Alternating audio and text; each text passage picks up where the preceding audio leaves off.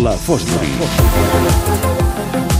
El Roger Castillo té la virtut d'arrencar amb un somriure i que em vinguin moltes ganes de sentir quina història m'explica, perquè cada dimarts m'explica una història absolutament apassionant. Avui estem pendents del cel i de les nevades i a la Fosbury coneixerem una història relacionada precisament amb els esports de neu, que seran els protagonistes del nou número de la revista. Número 10 ja. Número 10 ja. Número 10, número de febrer, que el publicarem al voltant del cap de setmana. Per tant, avui el que fem és un avançament, un avançament dels continguts d'aquest número. Som uns privilegiats. Eh, Intentem que ho sigueu, intentem que un cop al mes, com a mínim, doncs, eh, aquests continguts doncs, arribin una miqueta abans doncs, pels oients del Club de la Mitjanit, ja que podem doncs, Però parlar després amb heu d'anar a mirar això, perquè això és impagable. Heu d'anar a fosbury.cat i, a més a més, us ho recomanem especialment aquest cop perquè estrenem nou format per ordinador i per mòbil, que en principi ha de millorar o facilitar encara més Per mòbil, també una app? Una app per, uh, per mòbil ja la teníem en tema de, de, de, de tauletes i d'iPads. Ja està o no? Ara el que farem serà poder llegir des del mòbil, que és una de les mancances que teníem com a, com a revista. Ara es podrà llegir directament des del mòbil i es podrà llegir per ordinador un, format revista que pensem doncs, que serà molt, molt agraït i que, per tant, eh, convidem tots els oients del Club de la Mitjanit a fer-hi un cop d'ull aquest cap de setmana quan, quan vagi sortint. Estigueu atents, com sempre, a les xarxes. Ja o encara no? Encara no. Eh, De moment, aquests dies diràs, està eh? acabant doncs, aquesta maquetació, però vaja, el número està, està a punt. Esports de neu, parlem doncs, amb protagonisme especialment per l'esport femení. Tenim diverses doncs, esquiadores, com la Úrsula Puello, com la Ona Rocamora, que seran protagonistes. També Ander Mirambell, esports de gel, en aquest Home. cas, però fem una excepció per ell. I molts temes doncs, que són, pensem, interessants. I de tots aquests temes, Avui n'avancem n'avancem un que és el que diem sempre doncs, d'àmbit internacional i que ens fa especial il·lusió perquè és un tema que sorprèn d'entrada. Parlarem d'una dona que és iraniana, que és esportista i que, a més a més, practica un esport de neu.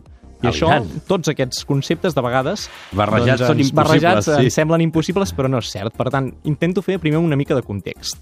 L'Iran, l'esport a l'Iran. Uh, l'esport de masses a l'Iran és el futbol, com a qualsevol altre lloc del món pràcticament. Mm. És un dels esports més seguits, però no és l'esport ni molt menys més tradicional.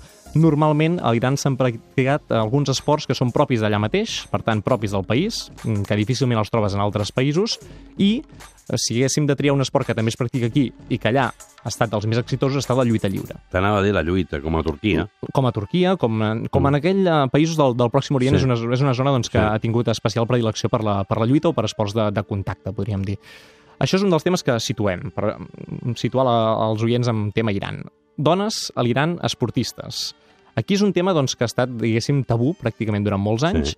però que ha anat creixent els darrers anys de forma exponencial. Mm, La primera dona iraniana que participa en Jocs Olímpics, 1996, Imagina't. entre el abans d'ahir. 96 i el 2008, en total són sis dones iranianes que participen als Jocs Olímpics, No tenien una boxejadora espectacular? i O- també una tiradora i una tiradora en bar, que han tingut algunes, algunes persones doncs, que han destacat. El 2012 a Londres són sis esportistes d'una sola tongada doncs, que ja participen als Jocs, i per tant veiem aquest creixement que estem convençuts que s'anirà consolidant en els propers anys. I l'altre tema és l'esquí. Esquí i Iran. Com que Sí. queda allà lluny, de vegades poc, eh? no coneixem prou el país, perquè és un país No, muntanyós i que, de fet, l'esquí arriba a la dècada dels anys 30 del segle passat, el 1938 ja una parella d'alemanys doncs, que comencen a, a investigar la manera de fer una primera estació. A dia d'avui ja 13 estacions d'esquí a l'Iran. De les 13 estacions d'esquí n'hi ha algunes que són reconegudes, mm, diguéssim, internacionalment, que estan atraient turisme estranger exclusivament per anar a l'estació d'esquí. Pensem que Teheran, la capital, doncs, té alguns barris perifèrics només a 5 minuts alguna estació d'esquí i altres els que queden més lluny a 2-3 hores, per tant, ahí. està ben situat. I són estacions d'esquí que, evidentment, aprofiten el, el context muntanyós. L'estació més alta del món doncs, eh, no, és, no està a Iran, però entre les més altes del món trobem una estació que es diu Luthor Castellà, que són, està situada a 3.700 metres d'alçada, Oh. per tant, estem parlant de muntanyes molt importants, amb qualitat de la neu molt bona, que segurament doncs, no tenen el nivell de remuntadors o de qualitat de, de les pistes que puguin haver doncs, als Alps europeus. Mhm. Situat tot aquest context, que ens semblava important doncs, per Sí, home, explicar tant. la història, avui parlem de la Margen Caló. La Margen Caló és una protagonista recent de l'esport, per tant, estem parlant d'avui en dia. Neix el 1986, té 28 anyets. De seguida, doncs, eh, que neix ho fa en un ambient muntanyós i amb una família que practica l'esquí, per tant, ella s'hi suma, amb 4 anyets i agafa els primers esquís i, i practica de tal manera doncs, que comença a desenvolupar-se molt bé en aquest esport. Als 11 anys ja guanya un primer campionat nacional, als 16 aconsegueix una medalla de bronze en una competició a Turquia, als 18 se'n va al Líban i guanya doncs, l'or en l'eslàlom i, la plat, i la plata en gegant, per tant, comença a agafar anomenada i dins del país, a Iran, qualsevol competició o la guanya ella o queda segona. Eh? Si té un mal dia, queda segona. Per tant, destaca moltíssim. La Marjan és una persona que té una particularitat i és que és germana del Rostam Caló. El Rostam Caló havia estat un campió nacional d'Iran en esquí i, a més a més, és el director tècnic de la Federació d'Esquí. Això el que fa és donar-li molta llibertat a la Marjan, perquè el seu germà doncs, la respecta profundament, respecta els seus horaris d'entrenament, la seva voluntat de fer-ho, doncs, eh, quan toqui, si és a l'hivern, que pot durar doncs, 6-7 mesos de temporada d'esquí allà, doncs, eh, doncs ho fa allà. Si és a l'estiu, doncs agafa unes baixades de gespa que, que al·lucines, diguéssim, en fotografies de com És continua espectacular. Ara practicant ensenyat, ara aquesta, unes fotografies proves. que podeu veure al Facebook del Club de la Mitjanit i a la Fosbury eh, i es veu a la marge en calor eh, baixant amb uns esquís que deuen dur rodes per una gespa espectacular. És molt bèstia. Però ha d'entrenar tot l'any, perquè si no sap que és impossible complir el seu somni. El seu somni és participar en uns Jocs Olímpics d'hivern. Això no ho havia fet ningú. El 2006, hi ha els de Turí, ella doncs, es mira la competició des de casa per televisió i, i pensa, jo he d'estar allà, jo he de poder aconseguir estar en una cita com aquesta. I comença a treballar molt dur per aconseguir-ho. El 2008, en una prova suïssa, destaca lleugerament, és a dir, no aconsegueix dels millors temps, però sí que suficientment perquè la federació del seu país li comenci doncs, a fer un cert cas. I el 2009, tota aquesta atenció li permet doncs, viatjar cap a Val d'Isère, on hi ha el Campionat del Món, i allà participa i aconsegueix el seu gran somni. Aconsegueix la classificació seixantena, és una prova per ella doncs, difícil, però que pel resultat és perfecte perquè és just el que necessitava per aconseguir punts suficients per classificar-se doncs, per la, pels Jocs Olímpics. Això ho fa gegant, mesos més tard també ho aconsegueix en slalom, per tant, arriba el 2010, arriba als Jocs de Vancouver i ella doncs, és una de les grans protagonistes de la cita. Té un recel que havia de superar. I és un recel doncs, de l'integrisme religiós, que evidentment doncs, posa el crit al cel perquè una dona doncs, faci aquest moviment d'esquí doncs, practicant aquest esport.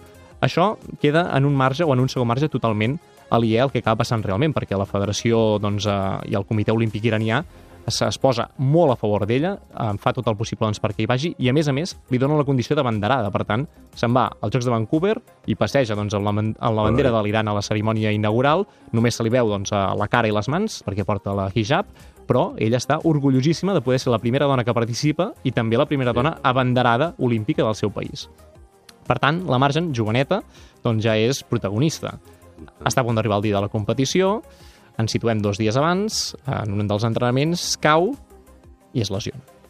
Sempre acabes les històries que m'acabes fotent No, a l'aire no, al dia. Que no acaba aquí, que Ah, no aquí. Que va a sí. l'hospital i després no li passa res, que Ah. la lesió es veu que no és tan greu Ets, un- ets, i ets, pot anar, i pot competir. Al final competeix, competeix en les dues és, proves, És, és, és tremendo, eh? en total quatre baixades. A les quatre baixades hem de dir que acaba última. És a dir, no però té el nivell igual, competitiu d'altres igual, llibres, però és tot aquest tema de trencar les barreres que hi havia al voltant de l'esquí, de la dona i de l'esport a l'Iran, en tots aquests quatre factors, doncs, ell aconsegueix tancar-los d'una forma descomunal. Per tant, doncs, eh, supera fins i tot a l'Ins Bon que cau, per exemple. No? Dir, ella acaba les curses, altres doncs, no ho aconsegueixen encara que siguin campiones del món.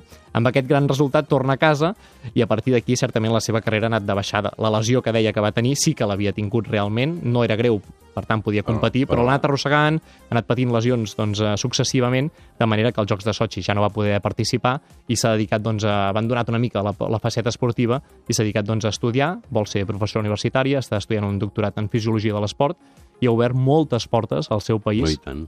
de tal manera que ara és una cara molt coneguda. De fet, és una protagonista habitual de programes de, de televisió de l'Iran. El, dos, el desembre, o sigui, fa res, un mes, mes i mig, doncs es va estrenar un programa en què ella és protagonista i que, per tant, explica la seva experiència, però més enllà doncs, posa cara a aquesta valentia de voler practicar esport en un país doncs, com l'Iran, que a vegades pot generar certes reticències, però que ho pot fer, en el seu cas, doncs, amb la hijab, perquè el, el món dir, de l'esquí doncs, permet fer-ho, Malauradament, és una cara en el sentit més estricte de la paraula, perquè Sí. han d'anar amb la gira. Però, clar, el món, de, el món de l'esquí això no és un problema perquè com que tothom No, no, va amb el clar, ja i tothom va tapat, cas, sí. doncs és un dels esports on es pot combinar bé i per tant ella demostra que com a mínim eh, Segurament doncs es pot ella no pot anar amb el mono d'esquí que porten, per exemple, les austríaques. Probablement s'ha d'adaptar d'alguna manera, Ah, però probablement tampoc tindria el pressupost doncs, per, per anar com, Sí, com van les grans campiones de, del món. Mhm. Doncs mm, a l'any 94, si no estic errat, eh, quan parlaves de, de, del que suposa una iraniana en uns Jocs Olímpics, l'any 94, en els Jocs Olímpics d'hivern, que no recordo on van ser, hi va participar un, un marroquí que va ser un dels eh, corredors més famosos de l'eslàlom gegant perquè des que va sortir fins que va arribar, si no va caure 15 vegades, no en va caure cap. Però ell va arribar. Aquelles imatges que en Jocs Olímpics de vegades ens deixen Albertville, com, em diu com la- Mossambani en el seu Sí, moment és el. Mossambani de l'esquí, és Doncs el sempre, Mossambani de sempre ens queden aquests, aquests noms o aquestes imatges, però que al fons són històries de superació personal molt bèsties. Exacte, ens n'enfotem en aquell moment, però el que han arribat a fer aquesta Correcte. gent és increïble. Uh, Roger, moltíssimes gràcies. Abans de Ah, no, no, marxar. abans d'acabar, abans, va, sempre acabem amb un cop d'ull al moment Sí, d'actualitat. i tenia ganes de dir-lo perquè és just avui que, que passa, que és que comença el campionat del món precisament d'aquest any. És una prova que es disputa cada dos anys, en aquest cas doncs, als Estats Units, a Briverkirk. Eh, per tant, ha començat avui, el dia 15 de febrer acaba, i acaba amb la participació del Quim Salaric, que debutarà en aquesta prova, en, en prova d'eslàlom. Per tant, des d'aquí l'enhorabona per haver aconseguit una classificació històrica doncs, per, a, per a aquest nano d'aquí. Doncs sí senyor, i a vosaltres per les històries que ens expliqueu. Roger, moltes gràcies. A vosaltres, com sempre.